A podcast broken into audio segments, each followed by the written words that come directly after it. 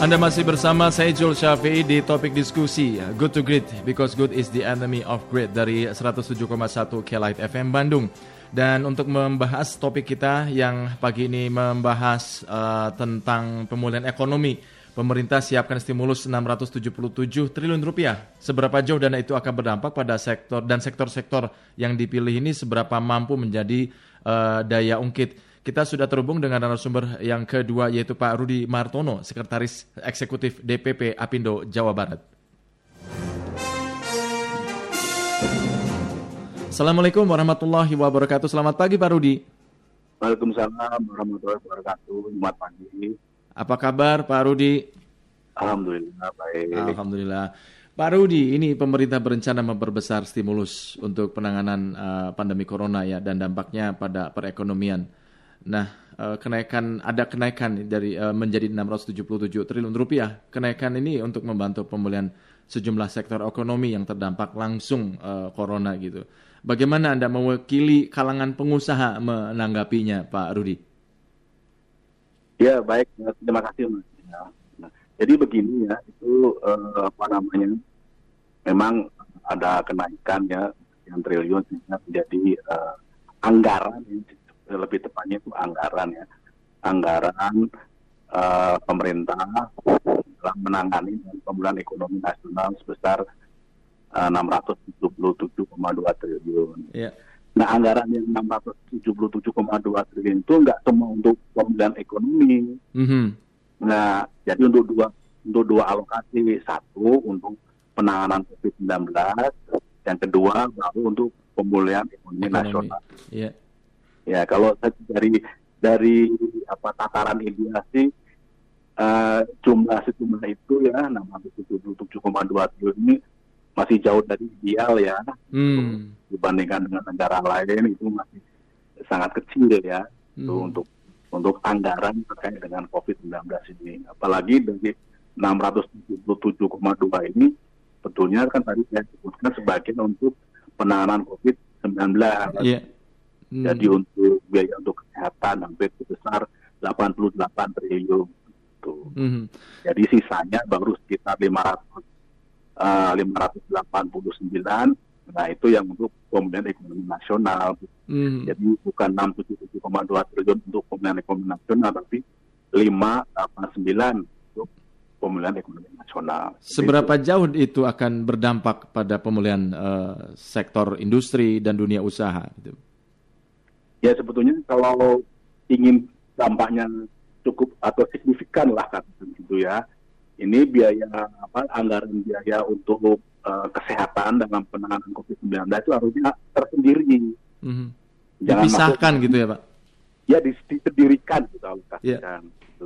Kan jadi artinya seakan-akan dimengerti oleh publik bahwa 677 triliun itu semuanya untuk ekonomi kan. Yeah. Padahal sekitar 88 triliun itu untuk kesehatan, untuk penanganan kesehatan.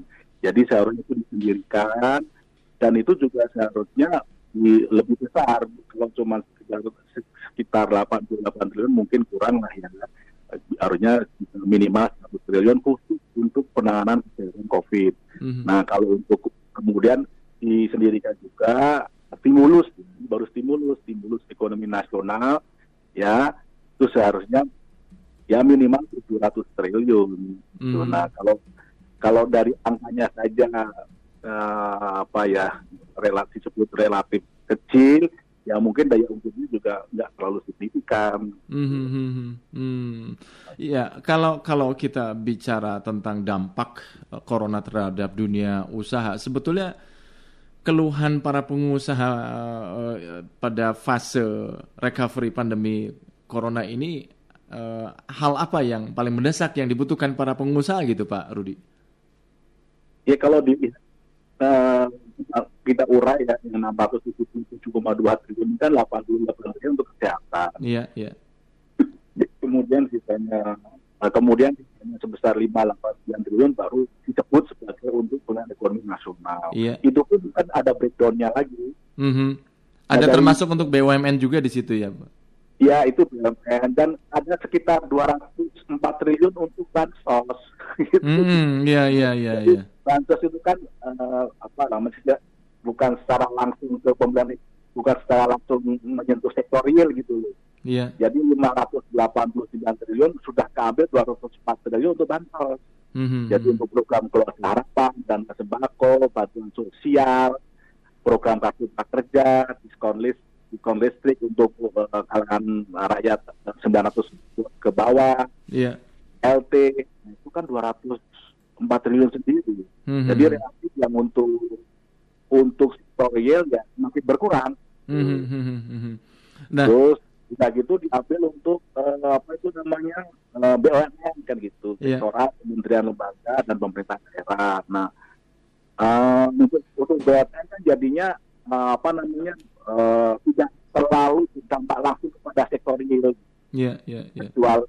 Ya, jadi lebih kepada penyelamatan penyelamatan BUMN angkutan gitu. Mhm. Memang iya seperti misalkan PT Garuda kalau nggak diselamatkan kan ya memang bisa bisa kolek ya malah, malah repot di kemudian harinya. Iya, iya. Kemudian PT Kereta Api Indonesia yang BUMN ini bergerak di sektor transportasi itu is oke ya di relatif bisa di- dibantu dalam dalam kerangka program ini stimulus. Tapi Hmm. BUMN yang lainnya kan eh, harus di di ditelaah dengan benar gitu apakah akan berdampak langsung ke Hmm. sektor ini.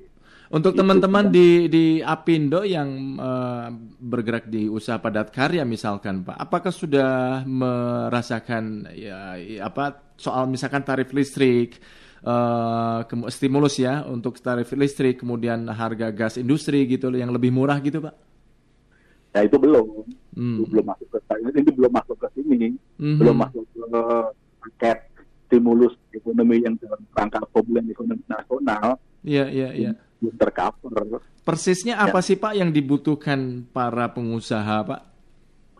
Ya kan kalau dilihat eh, rincian dari eh, apa namanya eh, program atau paket eh, pemulihan ekonomi nasional atau PEN ini yang dikenal PEN ini kan sebetulnya eh, apa namanya eh, ma- eh, apa namanya masih ada alokasi yang tidak dipisahkan satu itu tadi ya untuk kesehatan masih masuk ke sini Iya. ya kan Iya. Eh, kemudian untuk ban- bantuan sosial juga masih masuk ke sini.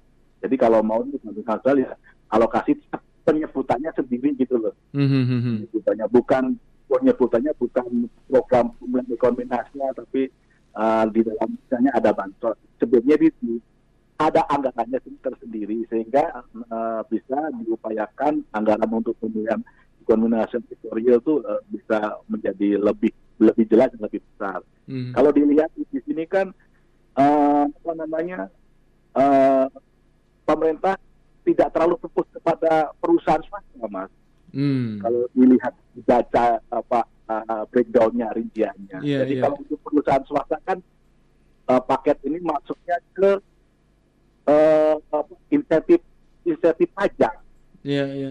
Ya kan insentif pajak sebesar 121 triliun. Dan kredit ya. 1, PPH 22, PPH 25, PPN, PPH Badan. Iya. Nah, jadi stimulus yang diberikan oleh pemerintah dalam paket ini kepada perusahaan swasta bersifat eh, apa namanya implisit, Hmm. ya kan? Beda dengan bantuan tunai langsung kan ada uang. Iya iya iya. Kemudian penyertaan modal ke BUMN kan dikasih uang. Mhm. Kepada perusahaan swasta nggak dikasih uang, tapi dikasih itu tadi semacam in- eh, relak apa keringanan pajak aja gitu. Iya, iya, Jadi nggak iya. terlihat secara eksplisit gitu menurut saya. Oke, lalu apa yang diharapkan dan yang ingin dipropos oleh eh, Apindo Jawa Barat khususnya Pak agar eh, ekonomi bisa direcovery secepatnya gitu Pak? Ya itu tadi Mas sebutkan mungkin salah satu yang eh, apa namanya kasat mata gitu yang implisit ya yaitu ya keringanan pembayaran eh, listrik keringanan pembayaran eh, apa namanya eh, gas karena kan itu eksplisit jadi kalau Hmm. biasanya perusahaan itu membayar satu bulannya 200 juta dengan ada keringanan yang dibayar ke PLN-nya gitu ya Mhm. jadi misalkan 90 juta nah itu kan eksplisit Hmm, terasa secara langsung gitu terhadap biaya produksi ya. Iya, kemudian eh, apa namanya eh, ya saya kami memahami ya kami memahami memaklumi bahwa anggaran negara itu terbatas Mhm. sehingga pemerintah melakukan kebijakan berdasarkan skala prioritas berdasarkan pertimbangan kebijakan pemerintah. Jadi kan sektor-sektor eh, apa keuangan kan perbankan, BI, OJK mungkin berhati-hati lah nggak nggak nggak apa ya istilah dalam tanda petik gitu ya hmm. mengobral semua gitu hmm. uh, keringan-keringan relaksasi tapi tetap harus diperhatikan bahwa uh, perusahaan juga uh, apa namanya uh, menjadi salah satu pilar utama dalam uh, pembangunan ekonomi di Indonesia. Yeah, yeah. Perusahaan swasta sampai uh, ambruk oleh bangkrut sektor keuangan juga ikut terseret. Iya, iya, iya. Ya kan perekonomian nasional bisa juga ikut tambah tambah apa namanya terkena bisa runtuh uh. gitu, kan gitu kan kita juga perusahaan swasta itu uh, menyerap tenaga kerja yang sangat banyak terutama uh, para karya kemudian uh, pajak kan kita juga menyumbang cukup banyak jadi memang ini secara apa ya istilahnya uh, secara narasi itu harus dipahami bahwa semua sektor itu terkena oleh dampak COVID-19 dari yang eh, UKM sampai yang konglomerat gitu. Jadi saya memang ya, melihat di sini ya cukup porsinya cukup besar untuk UMKM ini yang dibantu pemerintah. Justru UMKM. Ya, ya itu bagus ya kan. Tetapi eh, jangan juga melupakan perusahaan swasta yang kondisi pajaknya besar, karyawannya formal ya tidak uh. besar gitu loh. Oke, okay, Pak Pak Rudi, lalu uh, sudah adakah pertemuan antara uh, Apindo Jawa Barat khususnya dengan pemerintah daerah provinsi Jawa Barat untuk membahas uh, um, langkah ya uh, apa langkah-langkah yang akan dilakukan dalam konteks recovery perekonomian uh, ekonomi di Jawa Barat yang berhubungan secara langsung dengan para pengusaha gitu, Pak? ya kita kan uh, sampai dengan saat ini sudah beberapa kali melakukan pertemuan kan Zoom itu ya menggunakan aplikasi Zoom. Hmm. kita sudah beberapa kali kita sudah sampaikan. Ada kebijakan-kebijakan memang tidak bisa ditentukan langsung dieksekusi oleh uh, atau ditentukan ya oleh pemerintah provinsi maupun kabupaten kota. Tapi itu kebijakan menjadi ranahnya pusat. Ada seperti listrik gitu kan. Hmm. kemudian gas itu kan uh, apa namanya manajemen pusat. Nah kita akan mencoba kalau untuk manajemen level provinsi kita udah berbicara kita udah bersurat kita udah menyampaikan aspirasi kita nanti kita tinggal menunggu keputusan dari pemerintah pusat atau manajemen pusatnya gitu Hmm, baik, baik. Pak Rudi, terima kasih atas waktunya kita berbincang-bincang pagi ini. Pak Rudi, semoga saja sektor usaha segera pulih jadi, kembali. Mas ya. ya, silakan, silakan. Jadi maksudnya begini, jangan jadi bisa. Jadi uh, jangan ada pretensi bahwa ah, perusahaan suatu mah bisa nolong dirinya sendiri. mampu bangkit, perusahaannya kan menengah besar Ah, nah, jadi nggak perlu dibantu, jangan ada pretensi gitu. tetap me, ya, tetap harus dibantu kan, Pak. Iya, kan tadi saya udah sampaikan, mohon maaf ya. Jadi dengan COVID ini menghantam semua loh, ya. dalam bahasa ininya, apa analognya kan, ya. analoginya menghantam kaum melarat sampai merat gitu. Iya, iya, iya, iya, iya. Jadi jangan ada pretensi perusahaan swasta biarin aja bisa menolong sendiri gitu. Tapi nggak gitu juga kan, Pak? ya, ya, ya, Nah, kita harapkan uh, sebetulnya itu tadi ada terobosan-terobosan bisa dia terobosan-terobosan salah satunya itu tadi bisa lewat gas, bisa yeah. lewat PLN. Oh, itu tadi uh, BUMN PLN kan dapat juga di yeah. program yeah. dapat dapat program tadi apa namanya stimulus tadi, yaitu dikembalikan lagi ke ke rakyat dan kembali perusahaan swasta gitu untuk memberikan keringanan-keringanan. Baik, baik. Pak Rudi sekali lagi terima kasih atas waktunya. Kita bincang-bincang pagi ini. Semoga semua bisa pulih kembali ya Pak Rudi. Amin. Ya, selamat pagi. Assalamualaikum warahmatullahi wabarakatuh. Demikian sahabat kalian Pak Rudi Martono, Sekretaris Eksekutif DPP Apindo Jawa Barat.